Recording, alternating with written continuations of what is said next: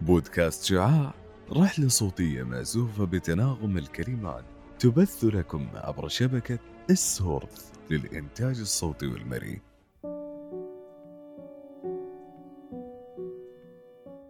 أهلا وسهلا بكم أعزائنا مستمعي بودكاست شعاع. أنا عاري وتخصصنا اليوم هو تخصص فسيولوجيا الجهد البدني. نحن بشر وكطبيعة بشرية نميل بأن نتصف بالكمال وبأن نكون الأفضل ما بين أقراننا. لقد قرأت ذات مرة بأن الغرور أمر طبيعي وجميعنا نمتلك جزءا ولو بسيطا من صفة الغرور. فمقصدي من الغرور هنا هو أن أوضح أن السبب الذي يجعلنا نسعى وراء الكمال والتميز هو بأن نرضي غرورنا. ولولا وجود الغرور صفة فينا لما سعينا إلى أن نمتلك ما لا يستطاع على الآخرين امتلاكه هل تساءلت يوما عن كيفية الحصول على لياقة عالية؟ وعن كيفية الحصول على بدن رياضي صحي؟ من هذا الذي يستطيع تمهيد الطريق لك لكي تحصل على ما تساءلت عنه؟ وهنا تبدأ أول حكايانا بسلامة ورشاقة ومهارة ولياقة فإذا ما هو فسيولوجيا الجهد البدني؟ هو تخصص علمي مختص بدراسة جسم الإنسان من الداخل مثل العضلات والعظام. وأيضا يدرس استجابة أجهزة الجسم المختلفة للجهد البدني المبذول. وكيفية عمل برامج رياضية تتناسب مع الحالة الصحية للفرد. وأخيرا وليس آخرا يهتم بدراسة التغذية وصحة الرياضيين وكيفية تحسين اللياقة لديهم. قد يراودك سؤال أين يتاح التخصص؟ وكم سنة دراسية؟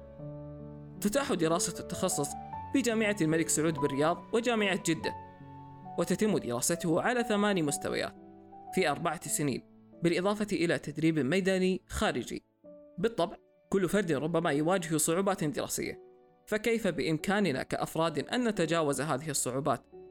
لابد من وجود بعض من الصعوبات أثناء الدراسة ولحسن الحظ بأنها صعوبات يستطاع التغلب عليها عن طريق المعرفة عن كيفية المذاكرة التي تساعدنا في الإنتاجية بمستوى عال ووضع جدول يتناسب مع قدراتنا الشخصية. لهذا إن كنت تفكر في فسيولوجيا الجهد البدني كتخصص لك، عليك أن تركز على كيفية الدراسة التي تحتاج إلى تطبيقها للوصول إلى أعلى النتائج الممكنة. وإن كنت مهتما حول كيفية تميزك وتفردك أثناء دراسة فسيولوجيا الجهد البدني، فلا بد عليك من أن تزيد من مقدار ثقافتك ومعرفتك حول المجال الصحي والرياضي. وبأن لا تنسى أهمية حضور الدورات والندوات التابعة للتخصص. هناك عدة أمور يتعين على خريج فسيولوجيا الجهد البدني عملها. ألا وهي تطبيق المفاهيم الأساسية في اللياقة البدنية والأداء البدني باستخدام الطرق والتكنولوجيا الحديثة في المجال الرياضي.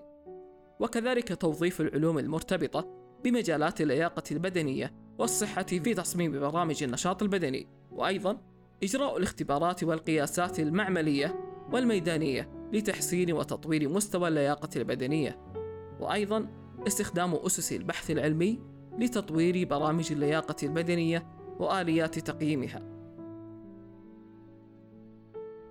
يستطيع خريجو فسيولوجيا الجهد البدني بأن يمارسوا مهنتهم بإحدى تلك الأماكن وهي مراكز الطب الرياضي الشركات والأندية الرياضية التعليم العالي الشؤون الرياضية بالقطاعات العسكرية مراكز العناية بالرياضيين والكثير من الأماكن وغيرها.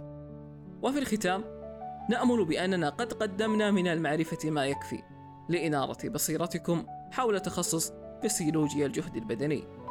العلم متجدد دائما ونحن لا نستطيع بأن نحصره في دائرة. ولكننا اليوم حاولنا بأن نلم أهم المعلومات حول تخصص فسيولوجيا الجهد البدني. وتذكر بأن السعي نحو النجاح لا نهاية له وتبقى بحالة حركة لا استسلام يقظة لا وهم.